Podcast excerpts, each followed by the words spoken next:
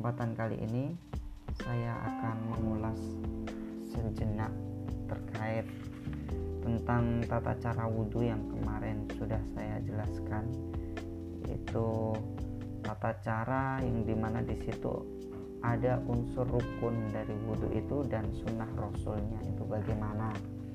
Namun sebelumnya saya akan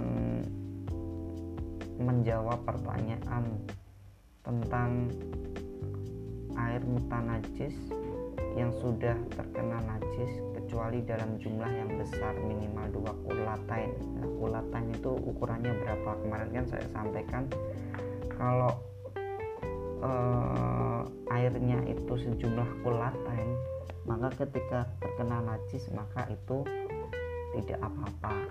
Artinya masih boleh dipakai untuk bersuci karena pada hakikatnya dalam hadis Nabi disebutkan al-ma'u tahurun la yunajjisuhu syai'un. Air itu suci tidak ada sesuatu pun yang dapat membuatnya menjadi najis. Namun dalam hal ini ahli fikih para mujtahid misalnya uh, ulama syafi'iyah Hambali dan Maliki mengatakan bahwasanya jadi bersepakat bahwasanya kulatain itu kalau dikonversikan ke dalam liter air itu sejumlah 500 liter. Jadi kurang lebih 500 liter. Jadi 500 liter itu cukup banyak. Bukan 500 mililiter ya. Tapi 500 liter.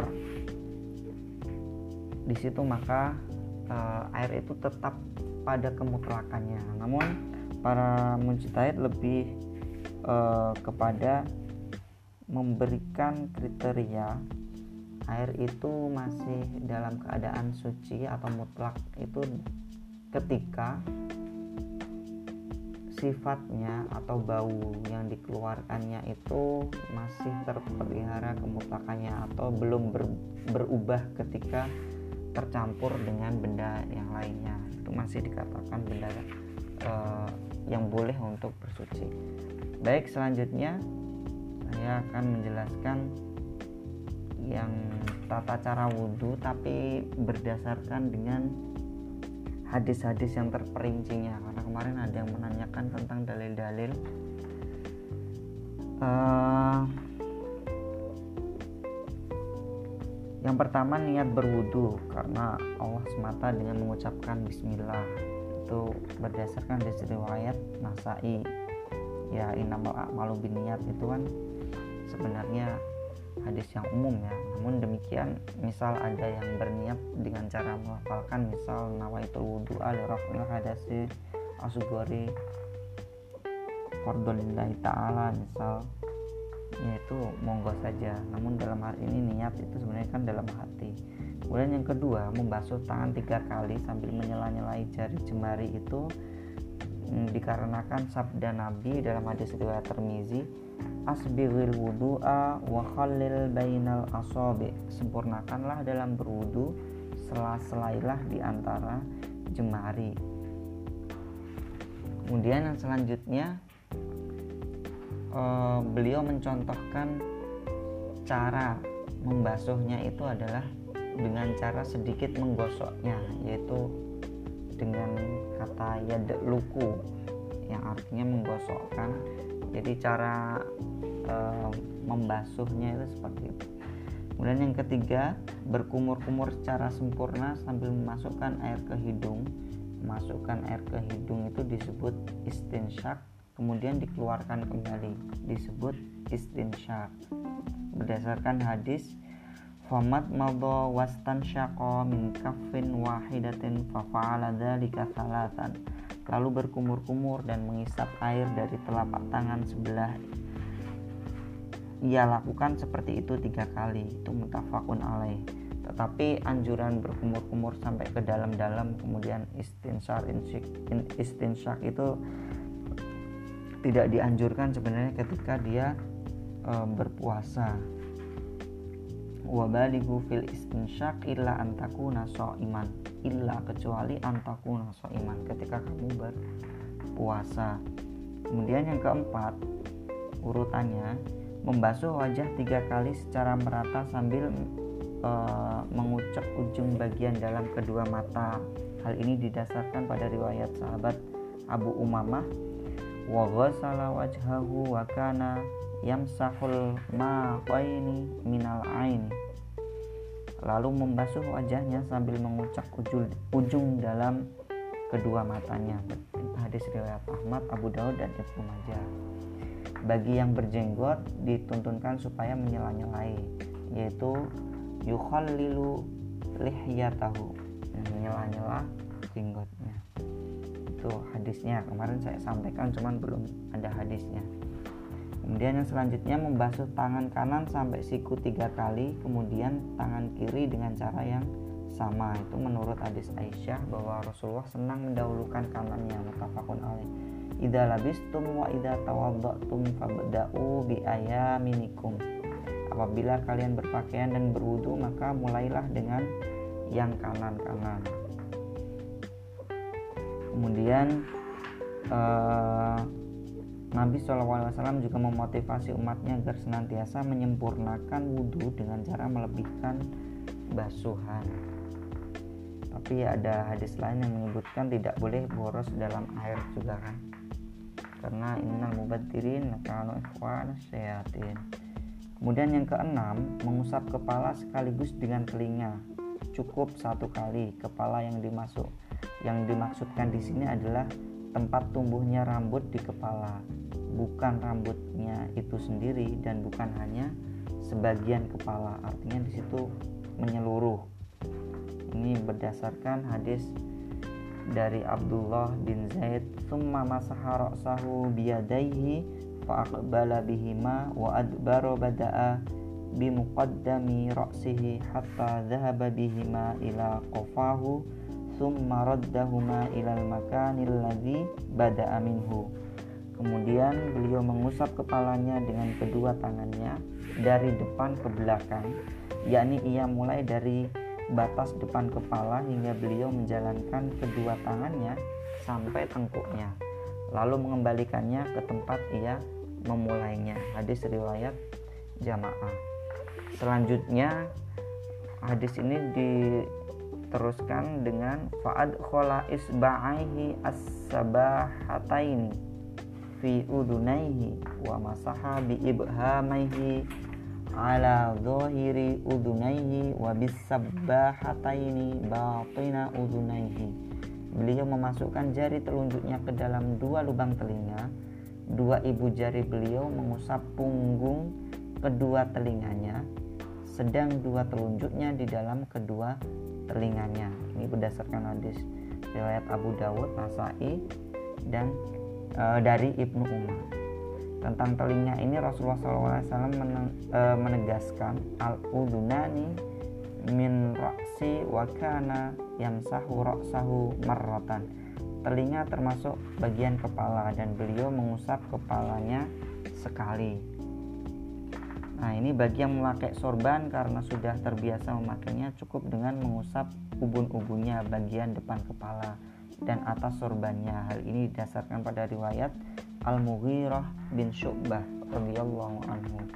Anna nabiyya sallallahu alaihi wasallam tawaddoa famasaha binasiyatihi wa 'alal imamati wa 'alal khuffain. Bahwasanya Nabi SAW berwudu lalu mengusap ubun-ubunnya atas sorbannya dan atas khufnya. Nah barangkali kemarin ada yang menanyakan bagaimana ketika uh, wanita itu memakai jilbab dan tempat wudhunya terbuka mungkin bisa memakai hadis ini juga. Jadi jadi boleh mengusap bagian dari apa ya keningnya itu bagian depannya sambil mengusap uh, jilbabnya atau sorbannya. Tetapi bila tidak bersorban maka dituntunkan untuk mengusap kepalanya secara merata Baik yang ketujuh, membasuh kaki kanan sampai dua mata kaki sambil menyela-nyela jemari sebanyak tiga kali, kemudian kaki kiri dengan gerakan yang sama. Itu berdasarkan hadis riwayat mutafakun alaih dari Humron yang kemarin saya sebutkan.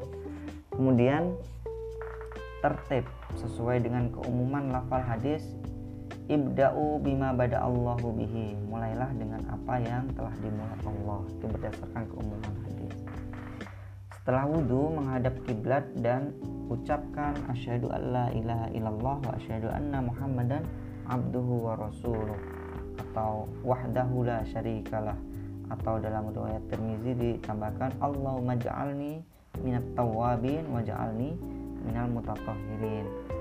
Meskipun secara sanad hadis dengan doa tambahan ini cukup kontroversial karena ada ulama yang mengha, uh, menghasankannya namun mayoritas ulama mendoakannya. Namun untuk fadail amal ya silahkan saja. Nah kalau terkait menyempurnakan seperti yang saya jelaskan tadi ya itu yang kemarin saya sampaikan anna rajulan atan nabiy sallallahu alaihi wasallam wa qad tawaddaa wa taraka maudhi al-dufri wa fi ibnu majah lam yusib hulma faqala lahu an nabiy sallallahu alaihi wasallam irji fa ahsin wudu'aka. Nah, kemarin itu suruh mengulangi karena uh, ada yang belum terbasuh di bagian uh, jari atau bagian kukunya itu. Kemudian uh, dalam kitab fikih sahih sunnah ini uh, dalam kitab sahih fikih sunnah ada juga tentang tata cara uh, berwudu yaitu disebutkan bahwasanya selain tertib atau harus berurutan itu ada juga harus al-mualat berturut-turut. Maksudnya ini dalam membasuh anggota-anggota wudhu itu sebelum satu anggota wudhu mengering ia harus membasuh anggota wudhu lainnya dalam waktu yang normal. Jadi tidak boleh uh, ada apa ya kelonggaran waktu yang panjang mungkin. Misal Imam Syafi'i dalam pendapat lamanya dan Imam Ahmad dalam riwayat yang masyhur berpendapat tentang wajibnya mualat ini. Baik uh, mungkin itu sekilas uh, ulasan saya tentang tata cara wudhu yang kemarin. Wallahu a'lam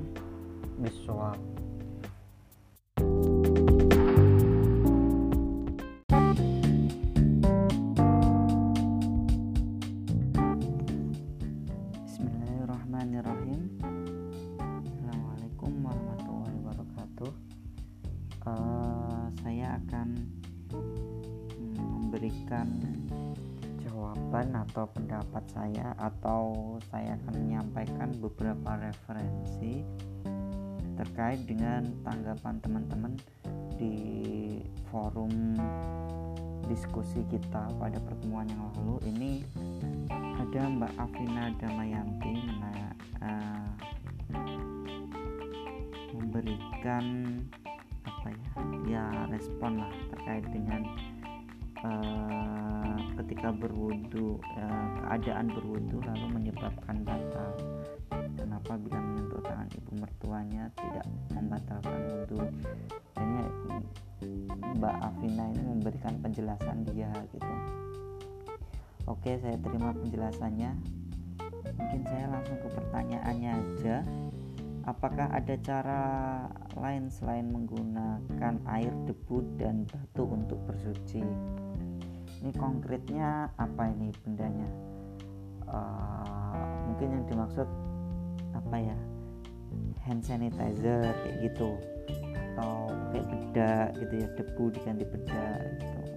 Saya kira itu uh, masih dalam kajian. Ya kalau memang terpaksanya begitu ya saya kira uh, saya kira kalau begitu kalau dalam keadaan terpaksa mungkin ya bisa aja. Tapi untuk saat ini saya kira untuk tiga benda ini masih bisa ada ya saling bergantian gitu. Misal nggak ada air ya insya Allah ada debu lah nggak ada debu ya. Insya Allah ada benda padat lah gitu. Itu saya sekilasnya seperti itu. Dulu saya waktu S2 juga uh, sempat ini dilontarkan pertanyaan bagaimana kalau tayamum itu menggunakan bedak? Apakah sah atau tidak? Sedangkan eh, sebagaimana kita ketahui bahwasanya debu yang suci itu eh, bisa digunakan untuk tayamum. Sedangkan bedak itu kan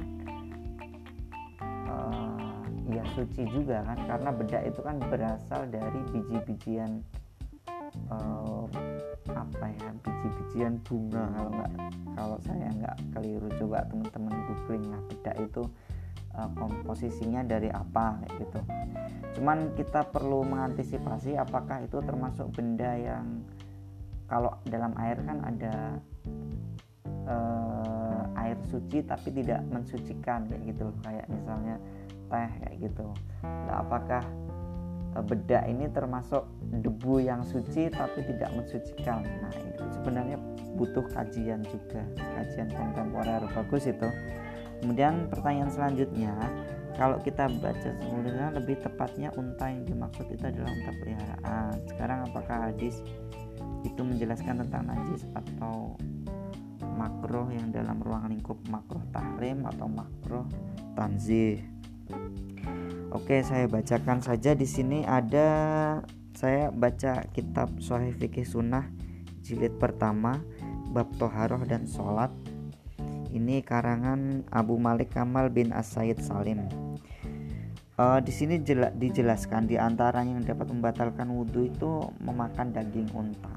Kenapa demikian? Karena dalam hadis di sini dijelaskan atau min lohomil gon min mil lohomil gonam in syi'ta tawaddo wa in syi'ta fala tawaddo apakah aku harus berwudu karena memakan daging kambing Rasulullah menjawab jika kamu mau ya wudhu aja. Kalau nggak mau ya nggak usah wudhu gitu. Kemudian bertanya lagi atawaddo mil ibil? Apakah aku harus berwudhu ketika memakan daging unta? Rasulullah menjawab di sini lebih khusus naam tawaddo min ibil. Ya berwudulah karena memakan daging unta dalam riwayat lain disebutkan yang saya sampaikan di slide yang kemarin tawaddu min luhumil ibil wala tawaddu min luhumil ghanam berwudulah kamu ketika makan unta dan tidak perlu berwudu karena makin makan daging kambing sebenarnya di sini uh, para imam madhab itu ada yang berpendapat jumhurnya jumhur kalau yang yang e, Imam Ahmad itu berpendapat memang harus berwudu. Tapi jumhur ulama misal Abu Hanifah Malik dan Syafi'i Asauri dan sebagian ulama salaf itu berpendapat lebih dianjurkan untuk berwudu. Tapi misal terpaksanya tidak berwudu ya e, tidak masalah kayak gitu. Tapi dari pendapat yang paling rojih di sini uh, yang paling kuat itu adalah wajib berwudu walaupun menyelisihi jumhur ulama. Dan ini disampaikan oleh Imam An Nawawi jadi seperti itu ya. Uh, wawaw alam suap tapi ya ya di Indonesia jarang juga makan daging unta. Jadi misal makan daging unta ya kalau bisa wudhu ya wudhu aja gitu. Kalau saya praktisnya gitu sih Kemudian ini Mbak Catur Yulianingsih bertanya tentang uh, jadi waktu posisi sholat kemudian uh, dalam kondisi sakit sakitnya itu uh, bisul. Kemudian kok tanpa sengaja atau spontan tangan mengusapnya dan pecah bisulnya itu Nah itu apakah harus membatalkan kemudian berwudu membersihkan darahnya atau bagaimana?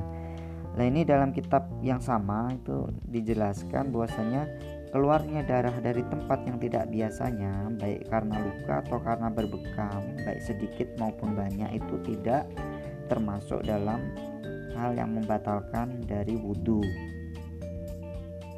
jadi ya wudhunya tidak batal.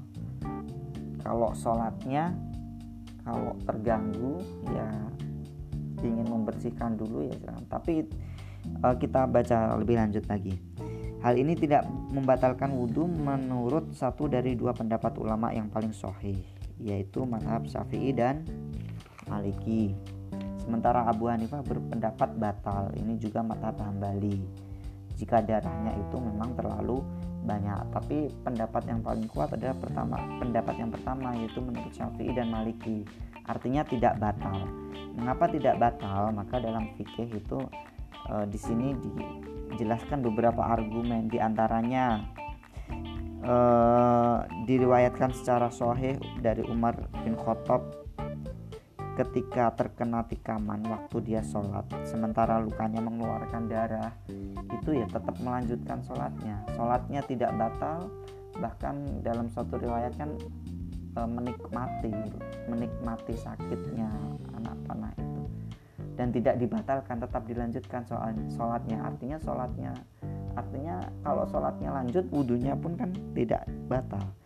Kemudian diriwayatkan secara mutawatir juga para uh, mujahid visabilillah mengalami luka-luka dan tidak ada seorang pun yang dapat menahan aliran darah luka-luka uh, yang mereka rasakan dan mengotori pakaian mereka. Namun demikian mereka tetap mengerjakan sholat dengan kondisi seperti itu. Kemudian hadis-hadis yang mewajibkan wudhu karena keluarnya darah tidak ada yang sahih. Dalam kitab ini dijelaskan seperti itu. Kemudian hukum asal sesuatu adalah suci Seseorang yang berwudu dengan benar tidak dapat menjadi batal kecuali berdasarkan nas atau ijma. Saya kira ini sudah cukup bisa menjawab untuk uh, question and answer kita pada forum yang lalu. Wow, wow alam ya, semoga bisa memberikan pencerahan kepada teman-teman. Assalamualaikum warahmatullahi wabarakatuh.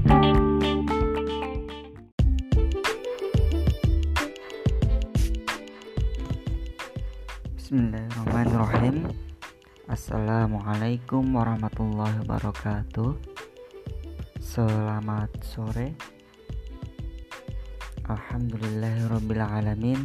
Wabihi nasta'in wa ala umurid dunya waddin Wassalatu wassalamu ala nabiyyina al-mursalin Muhammadin sallallahu alaihi wasallam. Pada kesempatan kali ini saya akan menjelaskan tentang tata cara bersuci. Namun yang lalu sudah saya jelaskan tentang tata cara bersuci dari hadas kecil nah, saat ini. Tata cara uh, bersuci tapi untuk menghilangkan hadas besar. Dan tata cara bersuci pengganti dari wudhu maupun uh, mandi ketika tidak didapati air atau uh, dalam fikih disebut dengan tayamum. Baik, kita awali dengan dalil Al-Qur'an itu sumber utama dari syariat Islam maupun dalam uh, pengambilan hukum fikih yaitu surat An-Nisa ayat ke 43 Ya ayyuhalladzina amanu la taqrabus shalah wa antum sukara hatta ta'lamu ma taquluna wala junuban illa abiri sabilin hatta tagtasilu wa in kuntum marda aw ala safarin aw jaa ahadukum minkum minal ghaid aw lamastumun nisa falam tajidu ma'an fatayammamu sa'idan tayyiban famsahu biwujuhikum wa aydikum. Innallaha kana ghafu afuwan ghafuro silahkan teman-teman lihat di slide-nya itu. Terjemahannya hai orang-orang yang beriman janganlah kamu sholat sedang kamu dalam keadaan mabuk sehingga kamu mengerti apa yang kamu ucapkan. Jangan pula hampiri masjid sedangkan kamu dalam keadaan junub terkecuali sekedar berlalu saja hingga kamu mandi. Nah di sini disebutkan bahwasanya Cara bersuci ketika junub itu adalah dengan cara mandi. Dan jika kamu sakit atau sedang dalam musafir atau datang dari uh, datang dari tempat buang air atau kamu telah menyentuh perempuan, kemudian kamu tidak mendapati air, maka bertayamumlah kamu dengan uh, tanah yang baik suci. Sapulah mukamu dan tanganmu. Sesungguhnya Allah Maha Maaf lagi Maha uh, pengampun. Jadi yang dimaksud di sini uh, datang dari tempat buang air itu ya artinya di situ uh, buang air kecil atau BAB buang air besar. Maka di sini kalau tidak ada air bisa dengan cara tayamum. Ya, musafir juga boleh bertayamum dalam ayat ini kemudian orang yang sakit juga boleh melakukan tayamum ya, yaitu dengan tanah yang baik dan suci. Caranya gimana? Di sini sudah disebutkan sebenarnya sapulah mukamu dan tanganmu. Cuman caranya bagaimana nanti akan dijelaskan secara terperinci di dalam hadis. Kita lanjutkan di slide selanjutnya. Kapan kita wajib uh, melakukan mandi besar atau mandi wajib atau mandi junub cara bersuci ini dilakukan ketika seseorang uh, mengeluarkan mani di sini kemudian selesai bersenggama sekalipun tidak keluar mani jadi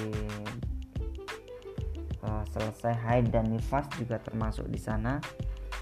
Darah uh, setelah melahirkan nifas itu kemudian sadar dari gila maupun pingsan jadi orang yang habis pingsan itu memang uh, diwajibkan untuk mandi besar kemudian baru masuk Islam itu juga wajib melakukan mandi besar dan meninggal dunia. Meninggal dunia di sini uh, yang dimaksud adalah orang yang masih hidup itu harus memandikan orang yang sudah meninggal.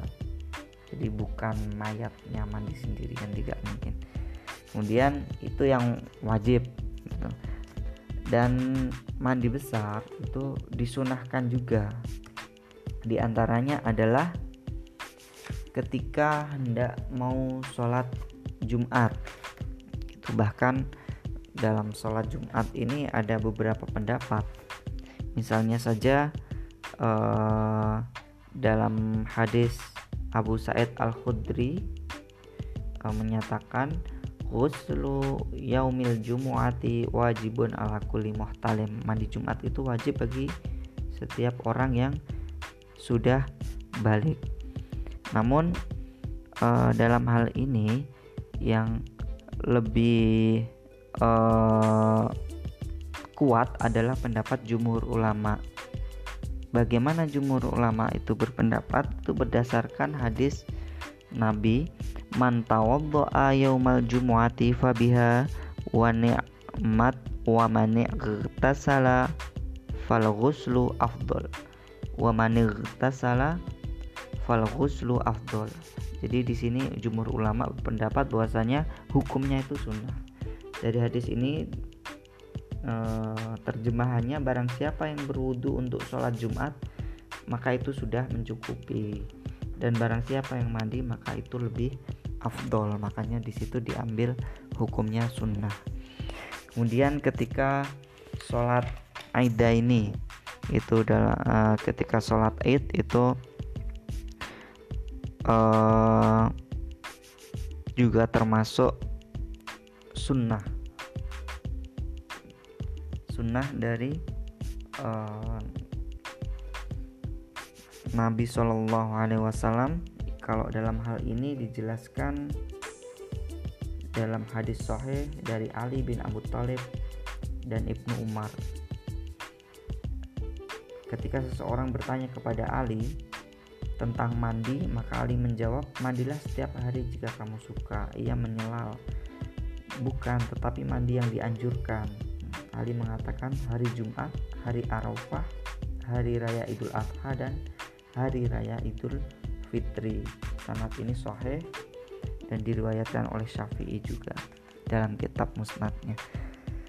Baik, jadi ada beberapa yang disunahkan ketika hendak wukuf juga disunahkan hendak ihram juga pasca memandikan mayit juga uh, disunahkan uh, untuk kita itu bermandi janabat itu dalam uh, hadis dari Abu Hurairah secara marfu. Barang siapa yang memandikan mayat hendaklah ia mandi. Bagaimana tata cara dari mandi besar itu? Saya mengambil satu hadis yang insya Allah bisa diambil untuk berhujah yaitu hadisnya mutafakun alaih. Artinya disepakati oleh para perawi hadis hadis ini diriwayatkan dari Aisyah. Kita ketahui Aisyah adalah istri Nabi. Artinya memang beliau itu uh, ya pelaku pelaku yang paling dekat dengan Nabi. Artinya tingkat kebenarannya itu bisa dikatakan 100% lah.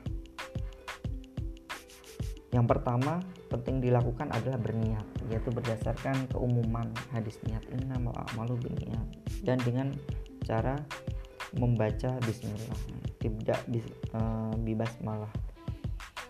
Hadis ini uh, bunyinya bunyi matanya idak tasala minal janabati yabda'u fayaghsilu yadayhi thumma yufrigu biyaminihi ala shimalihi fayaghsilu farjahu thumma yatawaddau wudu'ahu lis-sholati thumma ya'khudul ma'a fayudkhilu asabi'ahu fi usulis sya'ri hatta idza ra'a an qad istabro'a hafana ala ra'sihi thalatha hafanatin thumma afadha ala sa'iri jasadihi thumma ghasala rijlaihi apabila beliau mandi jadi Aisyah itu menceritakan Nabi ketika mandi besar itu bagaimana. Karena junub beliau memulai dengan membasuh kedua tangannya. Yabda'u fayaksilu yadaihi. Lalu menuangkan air dengan tangan kanannya ke tangan kirinya lalu membasuh farjinya. Farji itu ya kelamin. Fayaksilu yadai thumma yufrigu biyaminihi ala shimalihi fayaksilu farjahu. Kemudian beliau berwudu seperti wudunya untuk sholat. Thumma yatawaddau wudu'ahu sholat kemudian mengambil air lalu memasukkan jari-jarinya ke dasar rambut jadi menyela-nyela rambut summa ya'khudul ma fayudkhilu asabi'ahu jari-jarinya fi usuli. Masukkan jarinya ke dasar rambut hingga apabila ia sudah merasa bersih beliau siramkan air di atas kepalanya dengan tiga siraman. Hatta idza ra'a an qad istabro'a hafana ala ra'sihi thalatha hafanat. Jadi tiga uh, siraman kemudian beliau meratakan ke seluruh tubuhnya lalu membasuh kedua kakinya. Jadi terakhir membasuh kaki. Summa afadhu ala sa'iri jasadi summa ghasala rijlaihi. Karenanya kita bisa uh, rincikan tata cara yang pertama adalah niat lillahi ta'ala. Membaca bismillah mencuci kedua tangan. Kemudian mencuci uh, farji menggunakan tangan kiri kalau kalau dalam hadis ini sebenarnya dijelaskan famasahaha biturabi summa ghusalaha lalu beliau mengusap dan mencuci tangan kiri dengan tanah. Namun kalau sekarang zaman modern ya pakai sabun. Jadi pas mencuci farjinya itu. Kemudian berwudu sebagaimana tata cara wudhu sholat. Tanpa membasuh kaki dahulu tentunya karena uh, membasuh kaki itu terakhir. Padahal sebelum membasuh kaki itu ada yang kelima yaitu menyiram kepala menyela-nyela atau keramas pakai sampo hingga kulit uh, kepala. Artinya di situ kalau dulu belum ada sampo ya sekarang sampoan gitu. Habis wudhu itu sampoan dulu. Habis itu baru menyiram seluruh bagian tubuh dimulai dengan bagian kanan kemudian bagian kiri diakhiri dengan mencuci kaki. Jadi mandi besar itu tidak sekedar mandi kayak pada umumnya gitu. Makanya setelah mandi besar itu tanpa berwudhu lagi boleh langsung sholat. Kalau setelah mandi belum uh, berhadas. Itu terkait dengan uh, dalil tata cara mandi wajib. Kemudian selanjutnya yaitu tayamum. Tayamum itu dilakukan sebagai pengganti wudhu. Artinya kalau dimungkinkan wudhu maka ya tidak bisa terganti dan mandi besar bila ada jadi tayamum berfungsi menggantikan wudhu dan mandi besar hmm, bila berhalangan halangan itu bisa berupa sakit tadi dalam dalil Al-Quran sudah dijelaskan atau ketiadaan air untuk bersuci. Tadi dalilnya surat Al-Maidah. Uh, ayat yang ke 6 itu disebutkan dan di, di surat Anisa ayat 43 yang tadi di slide pertama itu juga disebutkan jadi kalau dalam surat Al-Maidah ayat 6 itu bunyinya wa in kuntum mardo awala safarin aw jaa ahadukum minkum minal ghaib aw lamastum nisa falam tajidu ma'an fatayammamu su'aidan tayyiban famsahu biwujuhikum wa aydikum innallaha kana afuwan ghafura. Kemudian terkait dengan tata cara yang lebih rincinya itu dijelaskan dalam hadis Nabi uh, hadis ini diriwayatkan Muslim Bukhari Muslim dari Amr bin Yasir. Jadi kalau dalam slide itu saya tulis ajnabtu falam usibil ma'a fatama'a fatama'aktu fis sa'idi was salaitu fadzakartu dzalika nabi sallallahu alaihi wasallam faqala innama yakfika hakada. Wa daraba nabi sallallahu alaihi wasallam bikaffaihi al-ard wa nafakha fihima thumma masaha bihima wa kaffaihi. Itu caranya. Artinya apa? Jadi ini ceritanya uh, ada sahabat yang dia itu junub. Kemudian falam usib dia tidak mendapati alma air. Pertama aktu itu artinya dia berguling-guling fisaid di padang pasir di tanah. Wasola itu kemudian dia baru sholat. Pada kartu dari kali nabi. Kemudian sahabat ini yaitu sahabat Amr bin Yasir ini cerita ke Nabi tentang apa yang telah dia lakukan. Kemudian Nabi bersabda, "Inna yakfika hakada." Maka kamu itu cukup mempraktekkan seperti ini. Bagaimana? Wadoroban Nabi Shallallahu Alaihi Wasallam bikafaihi dia e, menepukkan tangannya ke dengan telapak tangannya itu ke hmm, ya kalau di sini al art itu kan bumi kan artinya di mana pun tempat itu uh, ada debunya. Wanafakho fihima summa masakho bihima. Kemudian uh, menepukkan atau meniriskan debunya sedikit atau meniupnya. Summa masaha bima wajahu wa kemudian dia mengusapkannya uh, muka dulu wakafai baru tangan. Namun terkait dengan teknisnya nanti ada uh, beberapa hadis yang mungkin berbeda. Misalnya ini disebutkan uh, wa masha wajhahu wa kaffaihi wahidatan. Itu disebutkan mengusapkannya itu sekali saja. Jadi tidak perlu tiga kali.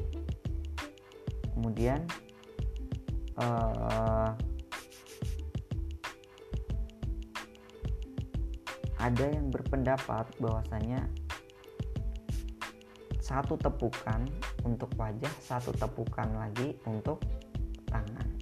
Jadi kalau yang pertama itu berpendapat cukup satu tepukan ditiup kemudian diusapkan ke wajah sekaligus tangan. Tangan itu sampai eh, pergelangan saja tapi ada ini ada riwayat Malik dari Tabrani menyebutkan ilal mirfaqa ini sampai siku. Namun hadis ini lebih doef dari yang pertama. Jadi kalau kita simpulkan bagaimana cara jadi ada dua kali ada dua cara bertayamum berdasarkan hadis-hadis yang ada. Tinggal kita mau pilih yang hadis uh, mutafakun alaih atau yang yang doif. Tepukan tanah cukup satu kali untuk muka dan dua telapak tangan kemudian uh, ada yang dua kali tepuk sekali untuk muka sekali untuk tangan sampai siku. Itu uh, menurut hadis riwayat Ahmad dan ulama hadis. Dan Syafi'i pada kaulul jadidnya dan Abu Hanifah itu dua kali tepuk tangan hingga pergelangan tangan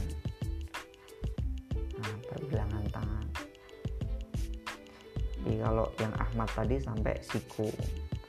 Ini gambarnya. Ini kalau yang uh, atas uh, ini tata caranya menepukkan. Kemudian itu yang gambar dua itu kayak uh, debunya itu di rada digogrokkan gitu. Atau bisa ditiup juga terus muka terus tangan. Tangan ada yang cuman sampai pergelangan atau sampai siku. Jadi caranya nah, coba di YouTube nanti. Silahkan teman-teman lihat. Kalau daring eh kalau luring mungkin bisa saya contohkan. Kemudian bagaimana batalnya tayamum kalau batalnya mandi ya sama lah kayak uh, wudhu misal habis mandi terus buang air besar atau buang air kecil atau kentut ya berarti kalau mau sholat ya dia harus wudhu kalau pembatal tayamum itu sebagaimana pembatal wudhu kemudian ketika mendapati air artinya ketika di habis tayamum kemudian kok di pertengahan sholat kemudian didapati air atau ada pengumuman atau hujan tiba-tiba ya dibatalkan. Terus masa berlaku habis itu satu kali tayamum untuk satu kali sholat. Saya kira itu untuk uh, materi cara bersuci untuk uh, menghilangkan hadas yaitu mandi wajib dan tayamum. Saya kira itu. Wow a'lam bisawab subhanakallah wa bihamdika asyhadu an la ilaha illa anta astaghfiruka wa atubu ilaik. Assalamualaikum warahmatullahi wabarakatuh